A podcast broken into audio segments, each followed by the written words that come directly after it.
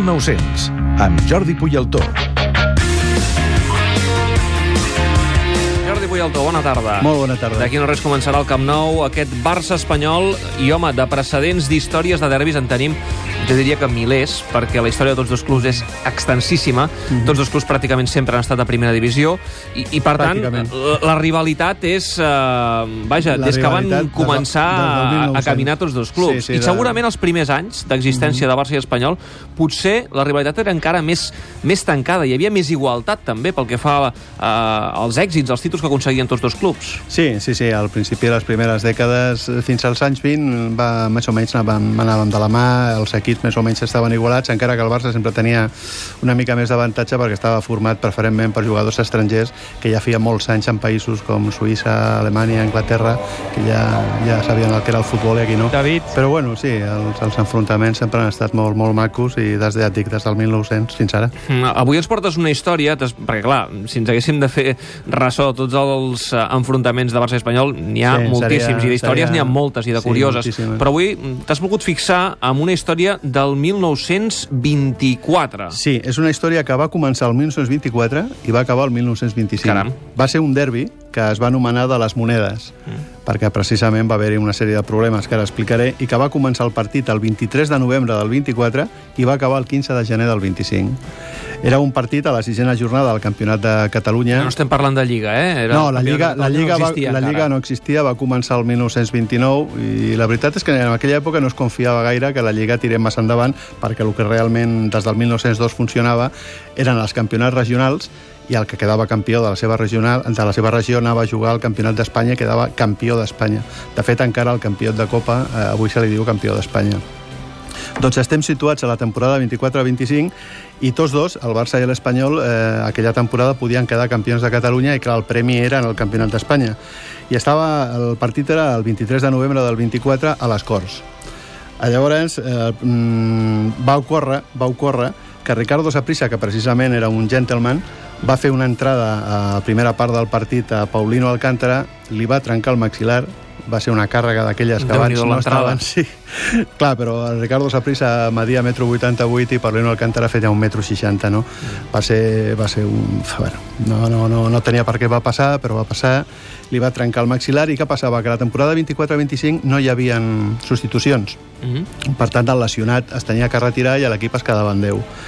Això va fer que, que l'ambient es caldeixés una mica i uns minuts més tard el Josep Samitier, que era un excel·lent jugador, doncs li va fer una... Va, va agradir, va fer una entrada i va agradir al Patricio Caicedo i a l'àrbitre, que era el Vizcaí Pelaño Serrano, el va expulsar. Què passava en aquest moment? Doncs que el, el Barça es quedava amb 9 i l'Espanyol amb 11. L'anècdota d'aquell moment va ser que Ricardo Zamora, Ricardo Zamora, el porter de l'Espanyol, que era molt amic de Josep Samitier, se'n va anar a veure l'àrbitre intentant que no l'expulsés. Carai, això seria impensable. Avui ara, dia, eh? avui dia seria això impensable. Del tot. Naturalment no ho va aconseguir i el Barça es va quedar nou el públic de, de les Corts, llavors era les Corts, doncs es va empipar molt al veure que es quedaven en jugadors, i va començar una, un llançament de monedes. De, suposo que seria de valor facial més petit, perquè a aquella època no estava la cosa per molts focs, i van començar a tirar monedes i monedes i monedes. Sobretot, Però monedes contra els, contra contra l'àrbitre, contra ah, l'àrbitre, contra l'àrbitre. Va ser un tiro al blanc, en aquest cas un tiro al negre, Ostres. no? I venga a tirar, tirar monedes, i què va passar? Que a punt d'acabar la primera part, pues, l'àrbitre, al veure que cada vegada que s'acostava a les bandes pues, li tiraven monedes, va decidir suspendre el partit, el descans. Clar, tot el recorregut que va fer des de on va pitar al final, que era un córner fins als vestidors, doncs també la pluja de monedes no, no va parar. De tal manera que això va suspendre el partit. Però què va passar? Que ningú se'n va donar a l'estadi que havia suspès el partit.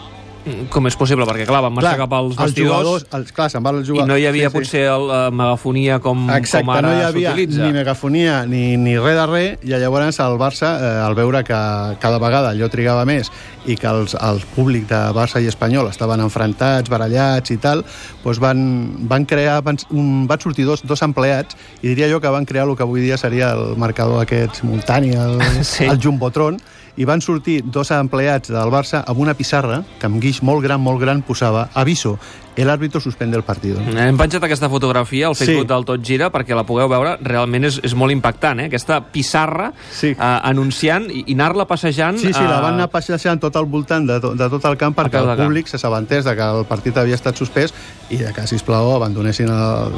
perquè allò ja semblava una batalla campal entre el públic. Eh, què va passar? Una vegada suspès el partit, pues, totes les, les persones, eh, les reunions entre dirigents dels dos clubs, els representants de la federació i, naturalment, els militars de l'època, van decidir que això es tenia que continuar. Els militars de l'època, eh? Fas aquesta sí, sí. acotació que també és important. Sí, perquè en aquella època sempre hi havia Tenien militars a ficats a tot arreu, exactament, sí. I es va arribar a un consens, que és tornar a jugar la segona part del partit i acabar el partit el 15 de gener de l'any següent, és dir, dos mesos després. Per això es diu que aquest, eh, aquest maig, aquest derbi, és el que més llarg eh, ha estat, perquè va començar el 24 i el novembre del 24 i va acabar el gener del 25. 25. I com va acabar? Doncs el partit es va celebrar al, al Camp Nou, dirigit per l'àrbitre senyor Leo Vera, i ja era Camp Nou, no, a les Corts. Ah, perdona, a les Corts, perdona. A les, a les Corts, sí, sí, que ara estem acostumats al Camp Nou. Sí, al Camp de les Corts es va jugar la segona part i va succeir una cosa que avui també seria impensable, que és que el jugador expulsat, el Samitier, va jugar tota la segona Ai, part. com és això? Mm, doctores tiene la iglesia en aquella època. Llavors, en canvi, Ricardo Saprissa, que, que va ser el que va ocasionar la lesió a Paulino Alcántara per evitar problemes, com era un senyor, va decidir de motu propi no jugar aquell partit. No escalfem més el no, partit, eh? Exacte, i tinc una fotografia en les que veu, es veuen tots els jugadors i al costat el Ricardo Saprissa vestit de paisà. El partit va acabar guanyat per, per l'Espanyol, 0-1 va ser un gol de José Luis Zavala, va tirar una falta de forma magistral, la va clavar per l'escaire i el partit va acabar... Això ja a la segona part, eh? A la aquesta... segona part, a la reanudació de...